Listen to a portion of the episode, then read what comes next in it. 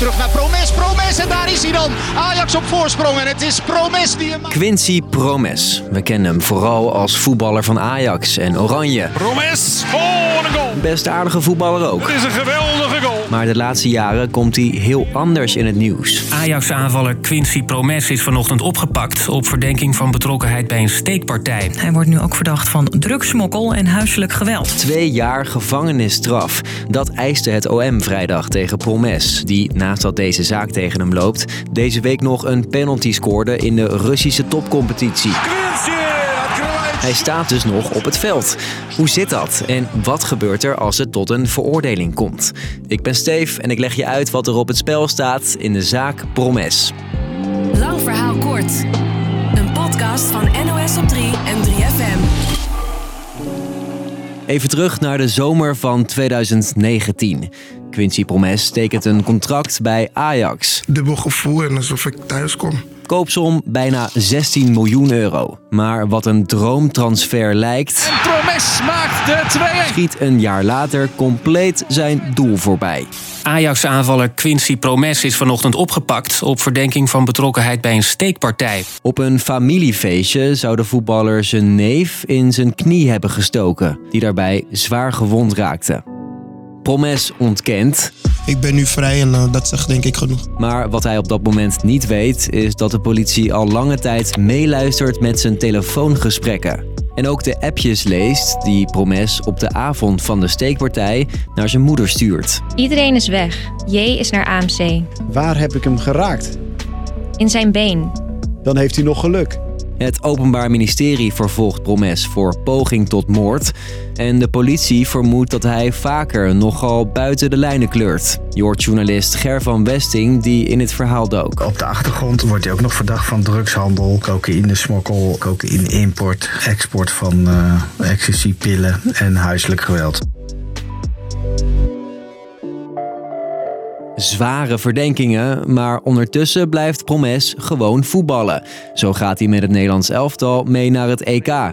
Frank de Boer, toen de bondscoach, legde uit waarom. Je kan ook zeggen als hij uiteindelijk onschuldig uh, is, en dat, dat, dat denk ik. Uh, ik durf niet mijn hand in het vuur te voorsteken, maar... Heb, je, hem, heb, heb je hem gevraagd? Ja, dus uh, volgens mij heeft hij het al meerdere keren gezegd. Dus uh, wij gaan ervan uit dat het uh, zo is. En ook bij Ajax speelde hij nog wedstrijden. En het Openbaar Ministerie hielp daar zelfs bij, zegt Ger. Bijvoorbeeld als Ajax moest spelen op woensdagavond... dan gingen ze hem niet op woensdagmiddag op het bureau uitnodigen... om hem te verhoren met zijn advocaat. En dan werd hij op zondagmiddag verhoord. Dus ze hielden rekening met zijn werk. Het OM zelf zegt daarover... zolang iemand alleen verdachte is... kijken we altijd naar iemands agenda... Maar strafrechtadvocaten zeggen tegen Ger... Als hij schilder was geweest of stucadoor, dan was hij gewoon opgepakt... en had ze helemaal geen rekening gehouden met zijn werk. Enkele maanden na de steekpartij komt er transfernieuws. De transfer van Quincy Promes van Ajax naar Spartak Moskou is rond. Ajax was van een probleem af. Was ook een goede linksbuiten kwijt. Dit is Promes. Promes door de benen. En uh, Spartak Moskou had er een goede linksbuiten bij. En uh, hadden er verder geen problemen mee. En nog steeds niet. Hij is super populair in Moskou. Het hele stadion hangt vol met uh, welkom Quincy. En hij doet het ook heel goed, ja. Dus hij voelt zich ook lekker. Dus uh, sportief doet hij het allemaal heel goed. Of Promes alleen voor het voetbal in Moskou zit? Lastig te zeggen. Maar wat wel zeker is... Dat hij uh, niet gehinderd wordt door uh, politie of justitie. En dat hij gewoon kan uh, focussen op het voetbal en op zijn privéleven. Dat, dat is een voordeel. Hè? Als je in Moskou zit, dan kun je gewoon doorleven. Voor de time being, ja. Twee jaar celstraf. Dat is wat het OM eist tegen Promes voor de steekpartij. Het begin van waarschijnlijk nog een lange rechtszaak. Zo volgt er nog een uitspraak van de rechter.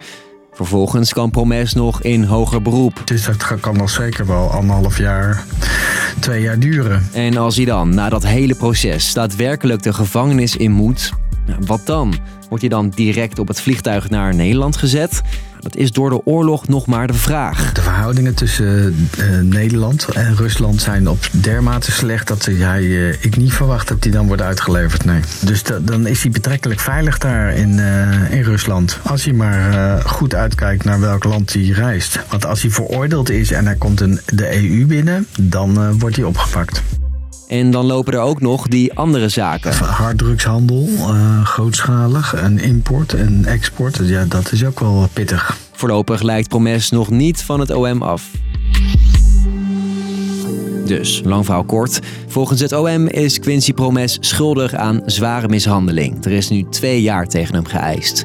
Daarnaast wordt hij ook nog eens verdacht van drugshandel en smokkel en huiselijk geweld. Ondertussen voetbalt Promes gewoon door. Daarbij hielp zijn overstap naar Spartak Moskou wel, want voorlopig lijkt hij wel veilig te kunnen leven in Rusland. Dat was de podcast voor vandaag. Thanks voor het luisteren. Blijf dat vooral doen. Elke doordeweekse dag rond 5 uur. Doei! 3FM. Podcast. Bizarre kleedkamereisen. Artiesten die te laat komen. Of soms helemaal niet komen opdagen. Helaas is hij ziek geworden en heeft zijn dokter gezegd dat hij niet kan optreden. Maar niet getreurd, hij komt woensdag weer terug. Nieuwsgierig hoe het eraan toe gaat bij een concert van jouw favoriete artiest? De beste en meest juicy backstage verhalen hoor je in de podcast Blauwe M&M's. Via de 3FM app of jouw favoriete podcastplatform.